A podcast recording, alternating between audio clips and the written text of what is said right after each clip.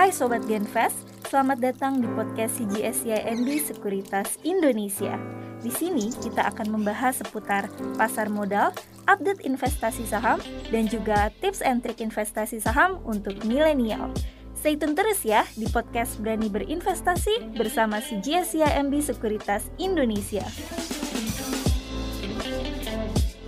Hai guys, kembali lagi bersama kami di podcast Berani Berinvestasi bersama CGS YMB Sekuritas Indonesia.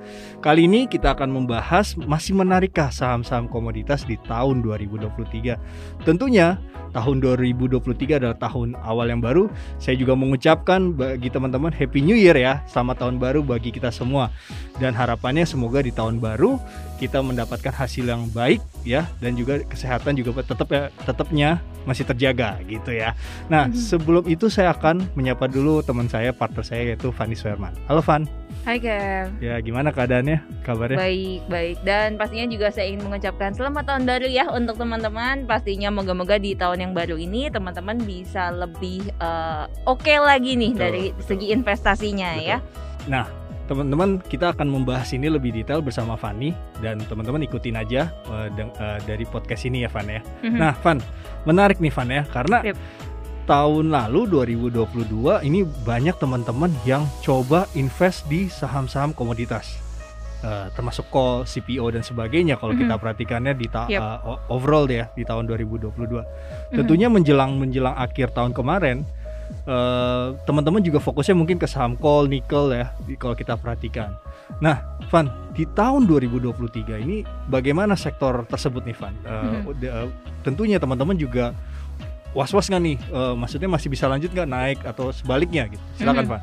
Oke, okay, thank you.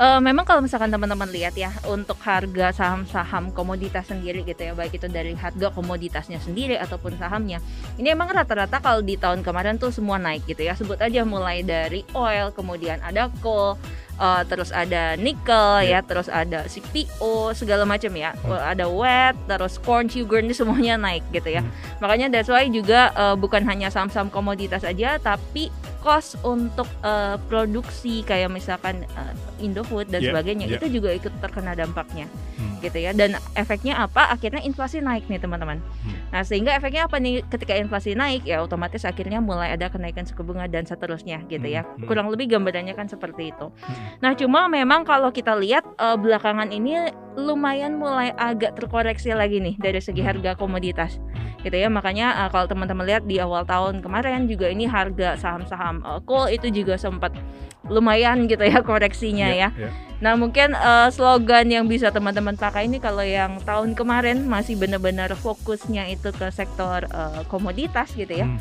Mungkin tahun baru harus ganti sektor baru gitu kan. Oke, okay, tahun baru ganti sektor baru gitu yep. ya. Nah, mm-hmm. Van, tapi menarik ya teman-teman karena kalau kita tahu IHSG itu pada perdagangan di bulan Desember itu lumayan jatuh. Mm-hmm.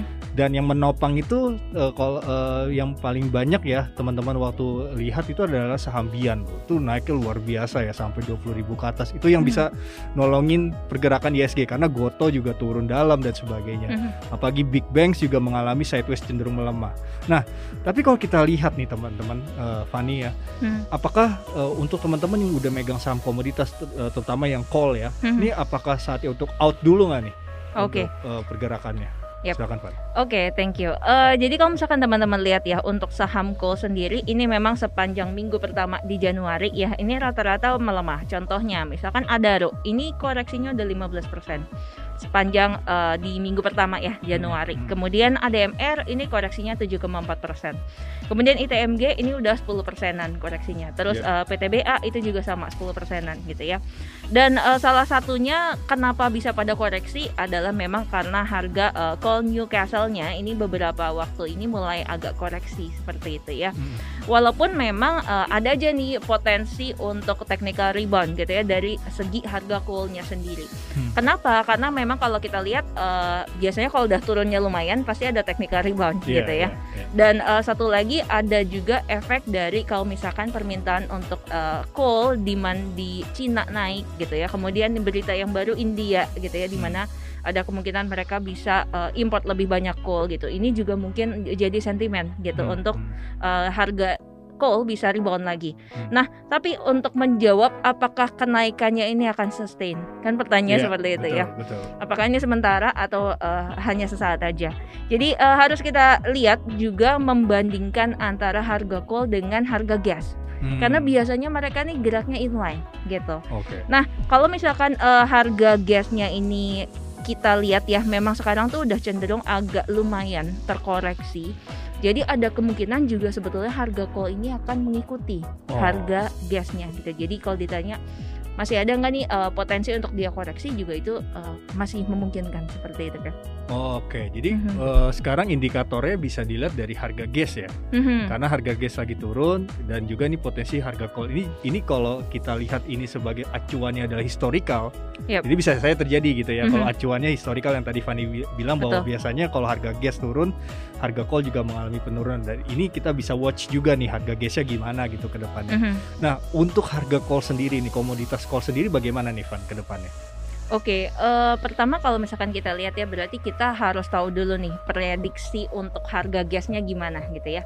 Uh, akan ada kenaikan kah atau masih mungkin untuk koreksi gitu ya hmm. untuk uh, memberi gambaran kira-kira coolnya ini mau ke mana.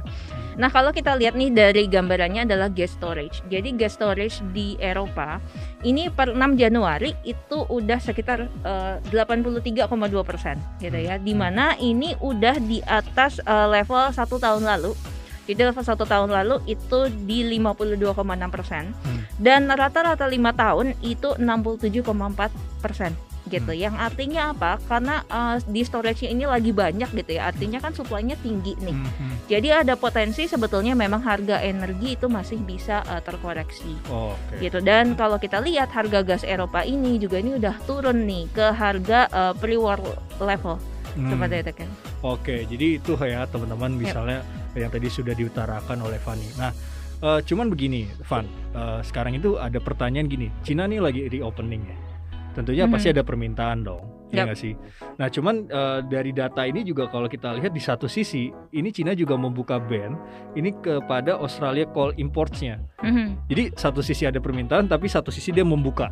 Ya. Nah, hal tersebut itu bisa efek positifkah atau negatifkah terhadap harga komoditas? Mm-hmm. Oke, okay, jadi ada positif ada negatifnya yeah, memang uh. ya. Tapi uh, kalau ditanya lebih ke arah mana sebetulnya lebih ke arah negatif. Okay. Kenapa? Karena kalau misalkan kita lihat uh, Australia diperbolehkan lagi gitu ya untuk uh, ekspor ke China. Nah ini maka yang terimbas negatif yang mana? Pasti pertanyaan investor yeah, kan seperti betul, itu ya. Betul. Ini sebenarnya lebih ke arah uh, cooking coal. Ini lebih negatif gitu ya oh. dibandingkan dengan thermal coal. Kenapa? Karena thermal coal Indonesia itu harganya masih uh, cenderung lebih kompetitif lah dibandingkan dengan yang lain gitu ya. Hmm, Jadi yeah. even walaupun dibuka uh, thermal coal kita tuh mungkin uh, ada segmennya sendiri lah. Yeah, yeah. Karena kalau dibandingin juga nih teman-teman, jadi thermal coalnya Australia itu tuh kalorinya tinggi. Nah rata-rata yang kita ekspor keluar itu biasanya kalorinya lebih rendah dari itu kata hmm. jadi uh, mungkin segmennya dari segi segmennya udah agak beda gitu ya yeah, yeah. nah cuma yang bakal kena memang uh, adalah cooking coal balik lagi seperti itu dan uh, kalau ditanya emiten mana nih yang paling terdampak ya? Itu lebih ke arah ADMR karena emang ADMR ini kan bisnisnya lebih ke arah cooking coal gitu ya. Dan pastinya kalau ADMR-nya negatif ini juga ada impact ke Adaro. Hmm. gitu walaupun impactnya emang nggak terlalu gede banget karena Adaro ini kurang lebih uh, bisnis cooking coal-nya itu sekitar 15% aja kira-kira seperti itu.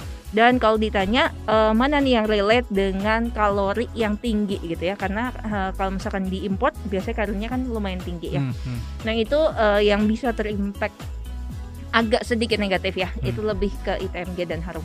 Tapi kan ini akhir uh, sorry ini awal tahun nih Van tentunya kan biasanya nanti ada rups ya uh, untuk pembagian dividen. Mm -hmm. Sebenarnya kan di sisi lain ada katalis positif, mm -hmm. benar nggak? Nah Betul. ini tanggapannya Fani melihat satu sisi ada negatif, satu sisi ada ya pembagian dividen, ini bagaimana? Mm -hmm. Oke, okay. uh, eh, memang mungkin yang diharapkan oleh investor adalah selain nanti uh, kemungkinan ya resultnya pasti biasanya yang positif nih, yeah. karena di tahun kemarin kalau dilihat dari segi uh, average selling price itu lumayan naiknya yeah. gitu ya, pasti sebenarnya resultnya akan positif. Cuma kalau misalkan kita lihat uh, dividen mungkin memang tetap gede gitu ya, karena yeah. resultnya yang positif yeah. tadi. Tapi ini uh, bisa dibilang kurang worth it. Kenapa? Karena kalau teman-teman bayangkan okay. ya, teman-teman uh, beli satu saham, hmm. kemudian dapat dividen gede, tapi hmm. saham itu terus turun gitu ya. Dan oh. akhirnya kan uh, return dari yang teman-teman dapatkan dari dividen tadi itu akhirnya kegerus juga gitu ya dengan oh, okay. return penurunan di harga sahamnya. Kurang lebih gambarannya seperti itu sih. Oke, okay, jadi hmm. itu balik lagi ya. Uh, biasanya sih orang-orang short term tahunya dividen trap biasanya iya. seperti yeah. itu ya. Itu yang sebenarnya yang itu orang-orang short term tentunya teman-teman, tapi beda -hmm. sama orang-orang yang long term ya. Nah, Van, Yep. Uh, tadi kita udah bahas ya, ya korelasinya positif antara kalau nanti gas turun, coal juga turun dan uh, dipotensikan juga oil akan turun gitu mm -hmm. ya. Nah, uh, menurut Fani di uh, tiga sektor tersebut ada selain sektor itu ada uh, sektor nikel. Nah, ini view-nya gimana nih untuk okay. tahun ini? Oke. Okay. Uh, jadi kalau ditanya ya, kita prefer mana sih antara misalkan coal dengan oil gitu ya, terus uh, dengan nikel ya. Kalau misalkan kita disuruh pilih, memang kita lebih prefer ke arah nikel. Hmm. Gitu. Kenapa? Karena sebetulnya nikel ini diuntungkan nih dari reopeningnya China. Jadi kalau ekonomi China balik, otomatis biasanya uh, manufacturing di sana meningkat gitu ya. Yeah. Dan pasti ini demand yang berhubungan dengan uh, aluminium, kemudian uh, berhubungan dengan nikel gitu hmm. ya. Ini uh, akan meningkat juga gitu kurang lebih uh, sentimennya dari situ katalisnya ya. Hmm. Nah uh, dan apalagi nextnya lagi adalah demand EV nih electric vehicle. Jadi kan sekarang lagi lumayan ramai ya yeah, diperbincangkan yeah, yeah, ya yeah. mengenai uh, peralihan dari mobil biasa ke electric vehicle. Yeah. Yep. Dan ini juga jadi salah satu katalis positif sih sebetulnya untuk nikel. Yeah. Oke, okay, Jadi itu ya teman-teman ya. Kita tadi udah bahas dari beberapa sektoral dan uh, satu sektor yang sebenarnya ada potensial ada di nikel ya. Mm-hmm. Nah, Van, uh, kita udah bahas uh, sektor nikel nih kurang lebih katalis untuk short termnya bagaimana gitu ya.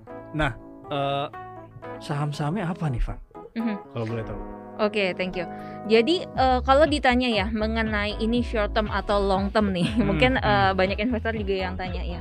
Sebetulnya kalau ngomongin tentang uh, nickel, ini kita lebih ke arah long term. Karena kalau kita okay. ngomong kayak misalkan membangun uh, ekosistem electric vehicle itu nggak bisa dalam waktu setahun gitu ya. Okay. Jadi uh, pasti ini butuh waktu yang panjang sampai benar-benar ke build up gitu ya, benar-benar jadi. Uh, dan kalau misalkan ditanya mau yang mana, jadi biasanya harga nikel itu yang kita pakai acuannya adalah LMI teman-teman. Yeah. Dan uh, kalau ditanya mana sih yang paling uh, kurang lebih jalannya inline gitu ya dengan uh, pergerakan si LMI ini. Nah ini teman-teman bisa ngelihat uh, mana yang punya produk yang namanya nikel mate. Karena nikel mate ini kurang lebih uh, sekitar 70 sampai dengan 80% ngikutin harganya LMI hmm. gitu. Nah kalau misalkan uh, kita lihat LMI ini memang juga salah satunya adalah ujung-ujungnya biasanya akan digunakan untuk electric vehicle oh. gitu. Dan emiten apa yang memproduksi nikel mate paling besar itu cuma satu Inco. Oh, Oke. Okay. Gitu. ya ya ya oke. Karena Antam banyak kan porsinya di emas ya. Kalau dari segi uh, revenue-nya yep, ya. trading emas dan yeah. uh, memang kalau Antam itu agak bedanya dia lebih banyak ke ore nickel tadinya ya. Oh, okay. Ferro nickel juga nanti akan ada tapi emang belum jalan sekarang ya. Hmm. Nanti baru ada di uh, second half.